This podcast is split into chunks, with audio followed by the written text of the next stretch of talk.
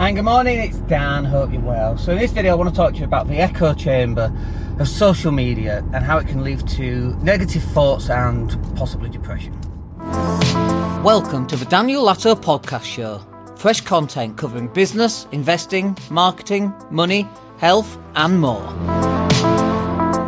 Hey, it's Dan, hope you're well. So I was just on Twitter this morning, thought I'd just check, you know, check in like you do every morning you do the rounds, don't you? You do Facebook, you do LinkedIn, you do Twitter, you check your stats, uh, see how many people have downloaded your blog or, or, watched your blog, how many people have watched your videos, and so on. But one of the things I noticed, I was on Twitter, and there's so much negativity on my Twitter feed, it's untrue. And the, the negativity actually comes from the place you would least expect it to come from. So, for example, Suella Braverman was just on about going after woke lefty lawyers who are protecting people from their immigration policy, which is completely legal, by the way, and you know to protect people in danger. But Suella doesn't like it, and and I'm just like, who's given her this power? And I, you just go down this path, and you just you can feel yourself getting angrier and angrier that I didn't vote for this, I, and uh, definitely doing it in my name, and I didn't vote for any of that. Why can't we just nice to each other? I, I don't get it, right? I just don't get it. And so I go down this path, and it ends up being quite a negative path. And so what happens is I then recognise the path that I'm on, and then I, I have to come off Twitter. And I was on Twitter for less than two minutes, just, just so you know.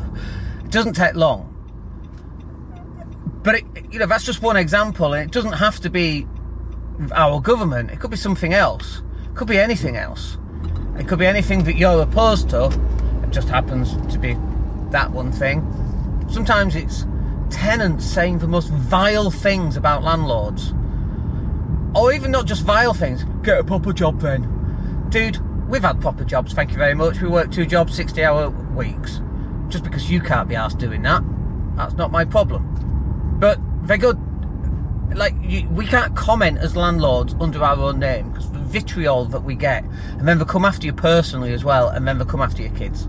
Like literally, that's where you're at. So when I comment about landlord issues on Twitter, I don't do it in my own name. I, I use a different account.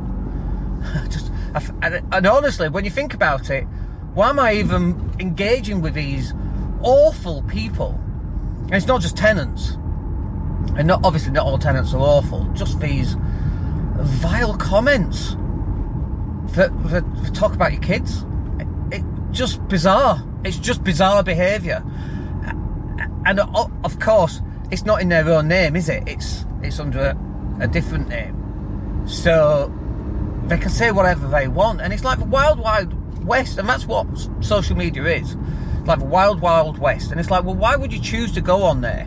And my uh, amount of time that I spend on places like Twitter, LinkedIn's not as bad because there's no fake accounts really on LinkedIn. Uh, but you, still get people sticking a nose into stuff, and it's like, what the fuck has it got to do with you?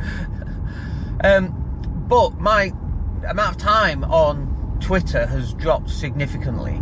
Uh, not just because Elon Musk took it over, and obviously it's now called X, whatever it's called, but I just don't want to be in that environment. Now, sometimes the best type of news comes from Twitter because it comes from individuals. But for some reason, with Twitter now, you get people you would never dream of following. You get to see their comments and their posts, and they're, they're just awful. And so you have to really narrow the amount of time that you're spending on social media and narrow the amount of time that you're spending in those particular um, areas on social media. And then once you open up this floodgate, you know, you click on something about, let's just say, flat Earth. Uh, we're having a fun conversation with flat Earth uh, about flat Earth yesterday.